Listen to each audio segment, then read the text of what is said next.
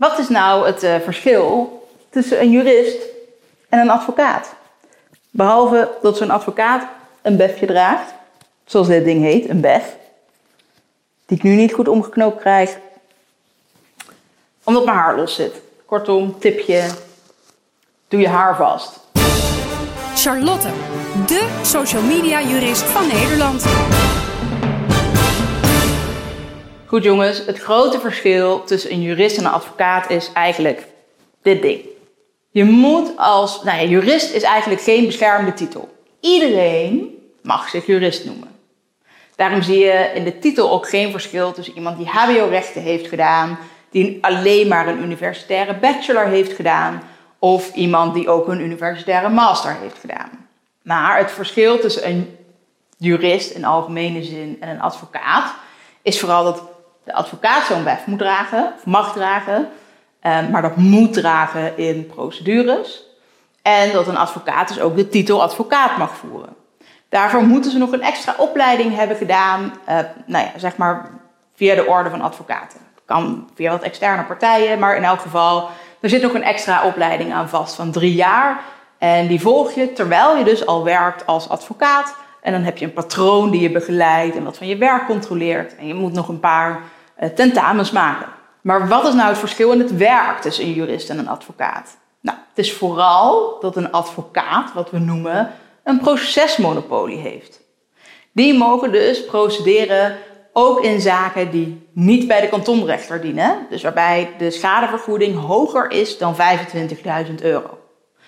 Het is ook alleen de advocaat die in hoger beroep mag. Dat mag een jurist of dus eigenlijk elk ander gewoon persoon niet. En soms heb je ook echt wel vertegenwoordiging van een advocaat nodig en is dat een verplichting um, in sommige zaken. Maar in kantonzaken mag je bijvoorbeeld altijd jezelf verdedigen en mag je dus ook gewoon een jurist meenemen. Nou, dat is dus het grote verschil. Gaat het dus niet om een procedure, maar gewoon om het opstellen van een contract of van algemene voorwaarden?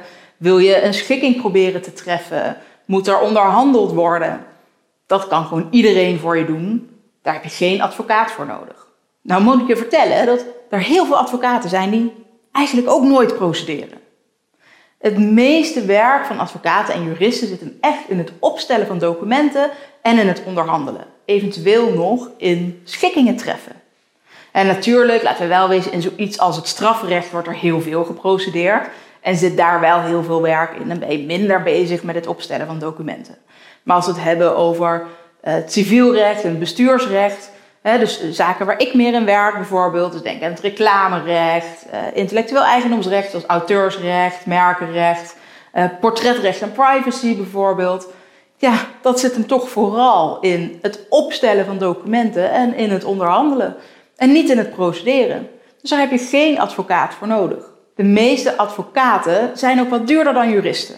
Maar dat komt omdat ze bepaalde verplichtingen hebben zij moeten bijvoorbeeld bij de Orde van Advocaten staan ingeschreven en daar doen ze elk jaar een afdracht aan.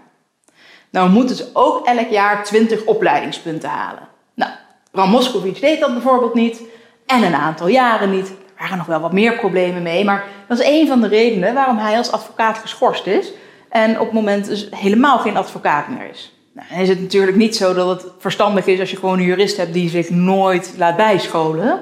Alleen de verplichting is er niet voor juristen.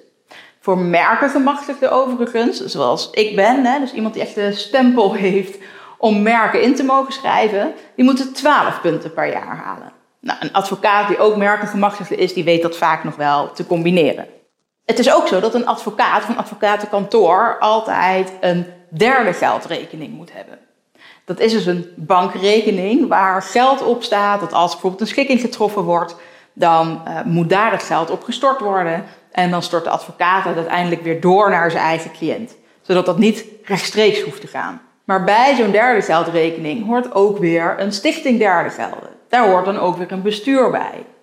Kortom, een advocaat heeft een hele hoop extra administratieve en financiële lasten die ze uiteraard aan hun cliënten doorberekenen.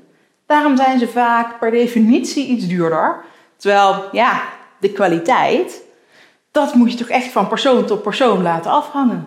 De ene advocaat is fantastisch en helemaal goed.